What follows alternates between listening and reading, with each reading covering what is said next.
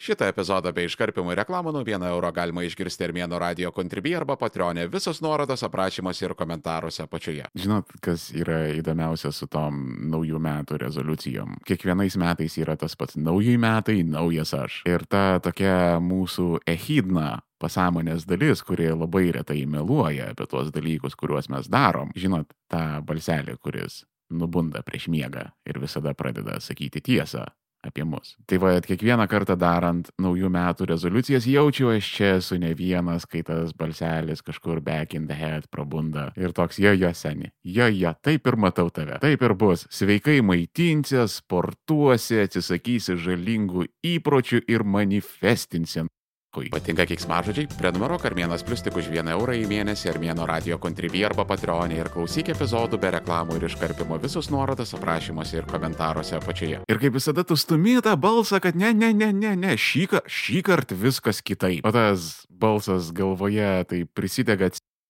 švysteli tokį ironišką žvilgsnį iš už žieptuvėlio liepsnos ir toks tėvai, kiek, kiek mes jau pažįstami? Ta prasme, for real, jau ne pirmas rodeo pas šitą kaubojų. Kam tu man pasakyk save, tu kankiniai šitais dalykais? Nes mes abu labai gerai žinom, kad tu sausio pirmą atsikelsi 17.45. Kažkokio nepažįstamo didžėjaus būte krasnūhoje. Tave hitins visa athodo motina ir tavo planas eit paliftinti džimą žlugs kartu su tuo. Gruodžio ir sausio mėnesiai džimams, treneriams ir sporto prekių pardavėjams yra klondaikas. Turiu treniruokliais prekiaujantį bičiulį, tai jisai sakė, mes per tuos du mėnesius realiai padarom trečdalį visos metinės apyvartos. Ir aš vieną kartą to čivako paklausiau, kad sakau, žiūrėk, vad salėje pas tave stovi du treniruokliai. Vat šitas, vat 150 eurų, vat o šitas 1500 eurų. 10 kartų kainos skirtumas. Bet žinai, aš juos abu čiupinėjau ir va tas, kur 10 kartų brangesnis, jis, nu, netrodo man 10 kartų geresnis. Jis nėra 10 kartų gražesnis, jame nėra 10 kartų daugiau funkcijų. Nu, okei, okay, nu, jisai jaučiasi taip geriau surinktas, bet, nu, kad kažkas būtų taip dramatiškai stipriai geriau negu tas treniruoklis už 150 eurų, aš nieko ten nematau. Ir jis man papasakojo. Čivakas, tu žinai, kiek vidutiniškai treniruokliai yra naudojami per visą savo eksploatacijos laikotarpį. Dvi savaitės. Dvi savaitės per visą savo tarnavimo ciklą. Ir dabar mes šitą galim labai labai tiksliai pasakyti, nes kada atsirado išmanus treniruokliai, kurie susijungia su gamintojų serveriais ir ten perdoda savo naudojimo duomenis, todėl gamintojai dabar yra maksimaliai tiksliai informuoti, kas, kiek, kada ir kaip, kokius treniruoklius vartoja kokiamis aplinkybėmis. Tipiškai nutinka taip. Treniruoklis yra nuperkamas, tada iš karto naudojimo spaikas didžiulis ir po dviejų savaičių kritimas į visišką nulį. Akivaizdžiai jisai pavirsta į brangę drabužių pakabą, tada prasideda migracijos procesai iš vieno kambario į kitą, tada į rūsį, tada į garažą, tada į sodą pas tėvus. Po poros metų galutinai užknisa matyti tą gyvą priekaištą ir jisai yra atiduodamas giminė giminėms, jie atiduoda tai savo draugams ir taip tas jūsų treniruoklis po penkių metų naudojimo apkeliauja pusę Europos ir atsiduria kažkur prie Indonezijos krantų. Tai va tame ir yra tas kainos skirtumas. Kaip aiškina man tas treniruoklių pardavėjas. Dauguma treniruoklių patiria labai didelės apkrovas. Pagal tą pačią gamintojų datą ant treniruoklio lipa žmonės su vidutiniu svoriu 85 kg. 85 kg,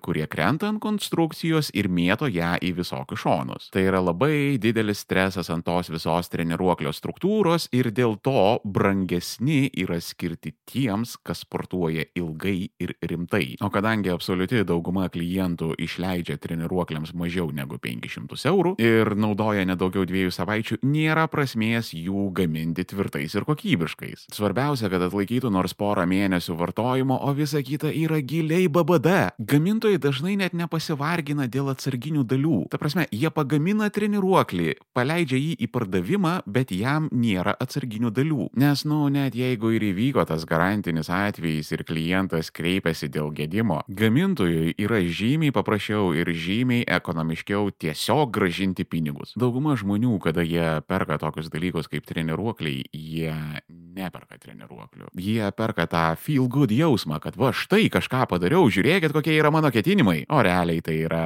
tik tai dar viena iliuzija. Kaupijumas masėms. Šokinėt nuo vienos iliuzijos prie kitos taip stumint laiką iki savo neišvengiamos mirties. Čia nieko naujo žmonija tai visada egzistavo. Mes tiesiog apie tai neseniai sužinojome, nes atsirado masinė komunikacija, mes apie tai pradėjom kalbėti ir pradėjom pastebėti šitos dalykus, bet būkite tikri, visada tai buvo. Sakykit, ką norit, bet gyvenimas yra iliuzinis konstruktas. Mūsų kiekviena asmeninė realybė yra suklyjuota būtent iš jų iliuzijų. Kada apsidairai aplinkui ir įdėmiai pasižiūri, tu pamatai, kad jos yra visur. Viskas yra iliuzijos, viskas ant jų stovi, viskas iš jų išeina ir viskas į jas veda. Tarkim, ekonomika yra iliuzija. Paimkim pavyzdžiui pinigus, jie jau seniai nebeegzistuoja. Tai yra tiesiog skaičiai centrinio banko Excel'yje. Ir mes tiesiog visi kolektyviai susitarėme, kad tie skaičiai turi kažkokią vertę. Lygiai taip pat ir su kitais dalykais - auksas. Auksas yra lygiai ant to paties sutarimo pastatytas, kad jis yra vertingas. Deimantai, meno kūriniai, nekilnojamos turtas viskas ant to paties susitarimo. Nes vertė yra mūsų galvose, tai yra fikcija, gamtoje nėra vertės. Jūs negalite paimti daikto, pakišti po mikroskopu ir ten įžiūrėti jo vertę. Ar vertingas litras vandens nuhuiznait? Lietuvoje ne, bet kur nors Saharoj, o taip, viskas čia yra beprotiškai subjektyvu ir viskas labai priklauso nuo daugybės išorinių faktorių. Iliuzijos yra pagrindinė prekė, kurią perka ir parduoda visa žmonija. Absoliuti dauguma dalykų, kuriuos jūs vartojate savo gyvenime, yra iliuzijos. Tarkim, fileris lūpose arba brangus motociklas tarp kojų tai yra tiesiog iliuzija, kad jūs vis dar jauni ir pajėgus. Geiminimas yra apie iliuzijas, kad galite būti herojais. Socialinės medijos yra iliuzija, kad jūs galite kontroliuoti savo įvaizdį ir niekas nepamatys, kokie iš tiesų esate loseriai ir padugnės. Again,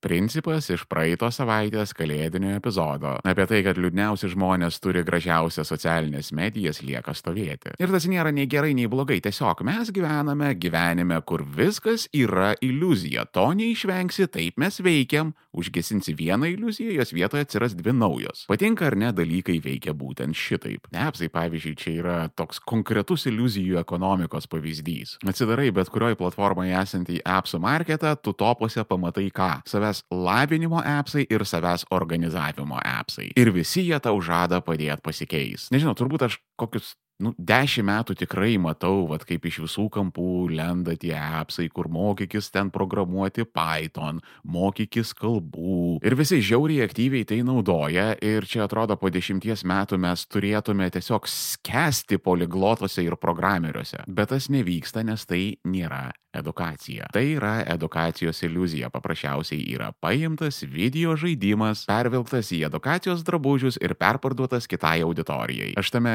nieko blogo nematau netgi atvirkščiai nemažai gero tame pastebiu, nes, nu, okei, okay, nu, geriau ten tegul sėdi žmonės mokosi kalbų ar ten mokosi programuoti, negu kad svaipintų tą tūpą kažkokį freemium žaidimą, kuris yra sukonstruotas taip, kad pasodintų savo vartotojus ant adatos ir eventually pradėtų traukti iš jų pinigus. Ten tie visi kalendoriai, projektų valdymo, produktivumo, laiko organizavimo appsai, ta pati istorija. Aš kai dabar savo sultingų turtingų 37 metų esu antrakursis ir turiu nemažai kontakto su 20 somethingais mielkais, kurie mato, kaip aš visur spėju, o jie niekur nespėja. Ir jie visada klausia manęs to paties seniai, kokį appsą naudoji. Ir aš visada turiu juos pasisodinti, paimti už rankos ir paaiškinti. Žiūrėk, Appsas tavęs neišgelbės. Susiorganizuoti gyvenimui pilnai užtenka lapo popieriaus ir tušinuko. Viskas, ko tau reikia, tai bet koks kalendorius ir bet kokie naucai, kurie yra bet kokiame įrenginyje su ekranu. Čia aš duosiu laiko, nes jums gali prireikti susirasti popieriaus ir tušinuko, užsirašyti dalykų, nes dabar bus tokie gana sudėtingi konceptai,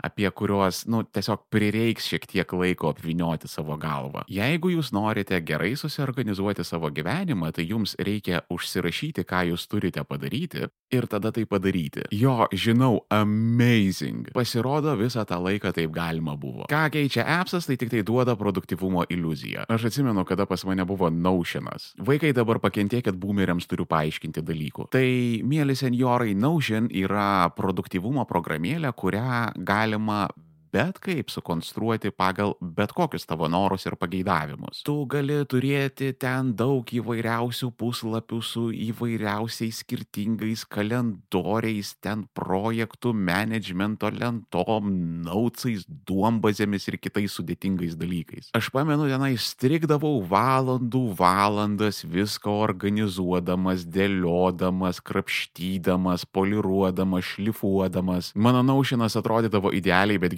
gyvenime aš nieko nepadarydavau. Aš tiesiog sėdėdavau ir apgaudinėdavau save, kad aš kažką veikiu. Dar viena gyvenimo iliuzija, kuri padeda tiesiog atskleisti nuo savęs. Same su audio aparatūra, kai podcasteris esu priverstas jos naudoti ir naudoti nemažai. Ir kiekvieną kartą kažką pirkdamas galvoju, kad viskas, paskutinis, vad šitą pasiimsiu ir visos mano problemos bus išspręstos. Bet žinot ką, kiekvieną mielą kartą, kada aš tai padarau, aš save atrandu toje pačioje vietoje, kad tai tik sukuria dar naujų problemų. Vad nusipirkau naują mikrofoną ir staiga paaiškėjo, kad reikia cloudlifterio. Pasikeičiau cloudlifterį ir žiūriu, kad man jau naujo garso pulto reikėtų, o tada čia jų bus visai verta ir dar geresnį mikrofoną paimti, o kada aš paimsiu dar geresnį mikrofoną, tenais reikės dar kažko ir it never ends. Problemų būdavo, kada pradėjau podkastus nuo šprotų skardinę su virvelė. Ne visa Armėno kūryba yra internete. Prenumeruok Armėnas Ultra Armėno radio kontribį arba Patreonė ir gau prieimą prie Armėnos slėptuvės, kur guli visi klasikiniai Armėno radio epizodai, visos nuorodos aprašymuose ir komentaruose apačioje. Ir problemų yra, kada pusę pro audio studijos aš jau nusipirkęs esu. Ir viskas vyksta tik dėl iliuzijos, kurią aš pats savo įsivarau į savo nesveiką kaukolę, kad esama sprendimų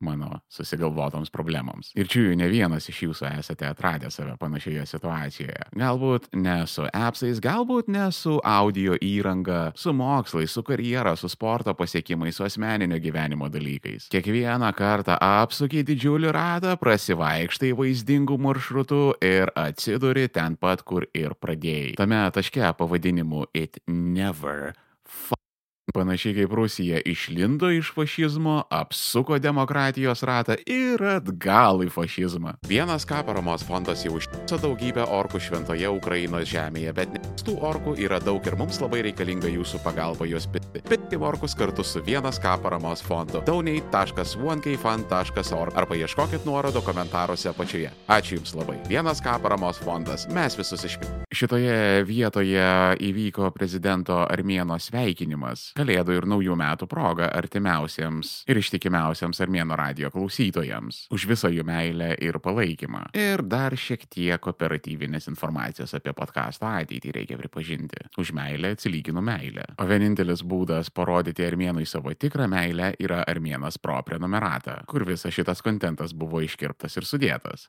Taip, aš antie gopšas. Armėnas Pro pilnos trukmės epizodai be reklamų. Užsisakyk planą Armėno radio kontribį arba Patreonė tik 4 eurai 99 į mėnesį. Visos nuorodos aprašymuose ir komentaruose apačioje. Kaip įprasta, buvau Armėno radio Instagram'e pakabinęs story prieš įrašinėjant šitą epizodą. Ir tame storyje galima buvo palikti klausimą ar šiaip pasiūlymą, ar tiesiog su manim padiskutuoti. Tai man padeda susidėlioti mintis prieš darant įrašą. Ir also pakabinau postą threads. Nedidelis off topicas, aš įsimylėjau į šitą socialinį tinklą. Nežinau, informuokit mane komentaruose, bet čiųjų reikės man perdaryti tą epizodą apie socialinės medijas, nes pastaruoju metu vienas kitas dalykas yra pasikeitęs šiek tiek. Anyway, pastarąją savaitę man išsivystė tokia priklausomybė nuo threads, kokia savo apimtimis prilyksta mano dideliai priklausomybei nuo nenormaliai baltų raudongalvių įmo hotukių. Ir visi, kas dabar manęs klausotės iš threads, čiau.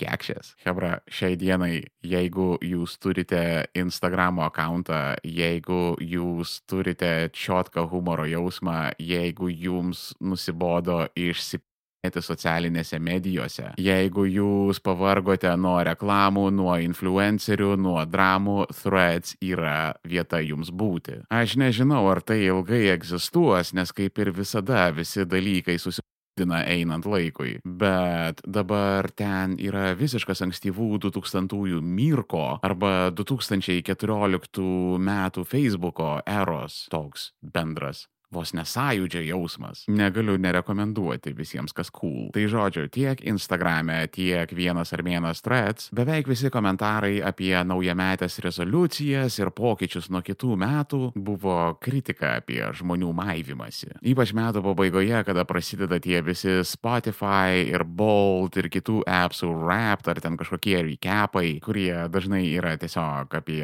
pasimaivimą pasiekimais, kas labai daug žmonių erzina. Ir šitoje vietoje aš turiu jums prisipažinti, kad visą čia laikę aš taip hihihaha apie tingėjimą ir motivacijos neturėjimą, bet čia jau yra gana senos, reikia pripažinti, naujienos. Po labai ilgo laiko loserystėje aš sugebėjau apsukti tą ratą ir po truputį pakilti spiralę aukštyn. Ir aš esu tas jis, kurio visi nekenčia, kuris išsikelia tikslus ir juos ten iškiai kročią padaro. Truputį. Ir man dėl to yra žiauriai nepatogu ir aš labai stengiuosi nefleksinti ir nesidemonstruoti, nes aš pilnai suprantu, kaip tai gali erzinti žmonės. Mano dar toks yra tap socialinis burbulas. Žiauriai daug inteligentų ir kada aš pradėjau sportuoti ir ten sveikai maitintis ir visa kita, jie actually mane body šeiminti pradėjo. Ką gačiokas, kiek spaudė? Kas čia baltymų milteliai? Ne, čia mano kinas. Bet ir nepaisant to viso inteligentų gėdinimo, maivytis ir girtis yra, nu... Tas, tas, tas, tas toks krinžo, tokio, žinai, nejaukumo jausmas. Mane tai apima, kada kiti tai daro ir mane tai žiauriai pe kada aš tai darau. Nu, bet va, taip yra, sorry. Bet aš tai sakau ne dėl to, kad humble braginti, kas boomeriai reiškia girtis taip iš pasalų. Aš čia noriu atskleisti šiokią tokią visatos paslaptį. Čia jums jokia burėja ir joks psichoterapeutas ar joks sėkmės gūrų nepasakys. Jūs išgirsite tai pirmieji čia, Armėno radijui. Žmogaus protas yra labai labai netobulas. Pabandykit sujungti iPadą ir senovinę kompiuterių spintą su perfokortomis iš 70-ųjų. Šūdinas nepatikimas produktas su blogiausiu user experience arba vartotojo sąsaja visiems, kas pagyvenę. Ever. Arba kitaip tariant, tiesiog Microsofto produktas. Mes kaip organizmai genetinėme ligmenyje esame užprogramuoti kaip savotiškos įpročių mašinos. Mes jaučiamės geriausiai, kada kaip upė tekame savo vaga ir veikiame veikiame automatiškai. Ir mus motivuoja vienintelis dalykas pasaulyje - maksimumas malonumų ir minimumas skausmo. Kuo tu labiau nukrypsti nuo savo įpročių, tuo tau labiau skauda. Tas skausmas tave stabdo nuo naujų dalykų darimo. Ir tada šitoj vietoje įsijungia ta minimum skausmo, maksimum malonumo grandinė. Bet kartais gyvenime taip nutinka, kad tu ignoruoji skausmą ir pradedi stumtis į priekį. Kiekvienas mes turime kažkokių dalykų, kur nusispjaut ant kiek tai yra sudėtinga. Ir kaip mums tai sunkiai sekasi, mes vis tiek ir einame ir juos darome. Ir lygiai taip pat yra dalykų, kuriuos žinome, kad mums reikėtų daryti, bet, nu, tiesiog negalime eiti ir padaryti. Mes nerandame tokios pačios motivacijos kaip tiems ankstesniems dalykams. Kame yra skirtumas? Kada jūs labai norite kažką daryti, jūs tai darote nuoširdžiai dėl savęs. Kada jūs nenorite, labai tikėtina, kad tai vyksta dėl kitų. Tarkime, jeigu jums tikrai yra nuoširdžiai malonu judėti, jūs neturėsite jokių problemų sportuoti. Jeigu jūs einate sportuoti dėl to, kad kažkas tyčiojasi iš jūsų kūno, jums tai bus žymiai sudėtingiau padaryti. Čia atrodo idiotiškai nuvalkiota, bet pradėkite daryti tai, kas jums patinka ir jūs nesusidursite su motivacijos problemomis. Svarbiausias dalykas, kurį aš supratau per savo gyvenimą, mano vertė nepriklauso nuo to, ką kiti apie mane galvoja. Aš esu vertingas, o ne tie dalykai, kuriuos aš darau arba ne. Taip, tai banalu, kad nors daryk iš to demotivaciją, bet taip yra.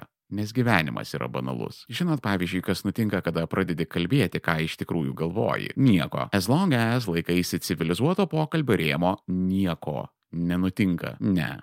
Nors meluoju. Nutinka pradedi suprasti, kiek daug dalykų išsigalvoji apie kitus žmonės. Tu suvoki, kad tu visą tą laiką buvai didžiausioje nelaisvėje ir tu save vertėjai būti ten, kur nenorėjai, kad patenkintum kitų žmonių lūkesčius, kuriuos neretai pats susigalvojai. Ir visi šitie dalykai, apie kuriuos aš dabar kalbu, iki jų reikia prieiti. Čia nėra taip, kad pagalvojau ir dabar viską žinau, ką daryti. Tai yra kaip raumuo kurį reikia lavinti ir vystyti ir auginti. Ir iš to dalyko reikia išrutuliuoti tikėjimą. Tai yra mane labiausiai motivuojantis dalykas gyvenime. Kiekvieną dieną einu miegoti ir keliuosi su viena ir ta pačia mintimi kad bus geriau. Aš labai stengiuosi ir todėl po truputį keičiuosi, bet tuo pat metu esu labai netobulas primatas, kurio dėmesį blaško kokybiški patikai studentės ir mylos. Bet šitoje vietoje galioja taisyklė, kad nesvarbu, kaip tave nešioja į šonus tol, kol tu judi į priekį. Pabandykit pamankštinti tą raumenį,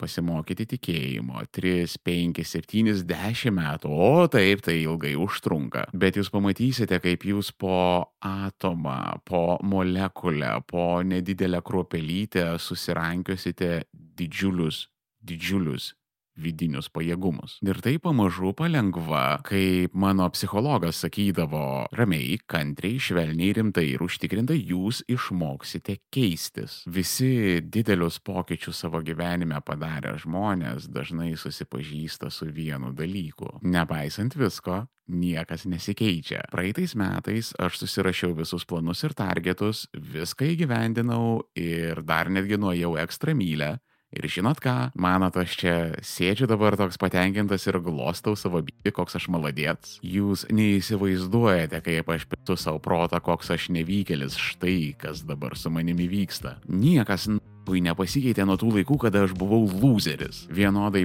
pusau protą tada, vienodai pusau protą ir dabar. There is no escape, nuo duhas inside. Sakiaugi nuo pat pradžių, it never ends. Todėl keiskitės ar nesikeiskit, jūs nukrapštė vieną iliuziją, atrasite kitą, o po ją dar vieną ir dar vieną ir dar vieną. Todėl, kad mes esame iliuzinis konstruktas, pastatytas iš svajonių, fantazijų ir išsigalvojimų. Mūsų saviapgaulė yra per stipri, kad mes galėtume gyventi be iliuzijų. Bet ką yra įmanoma padaryti, tai pasirinkti, su kuriamis mes norime gyventi.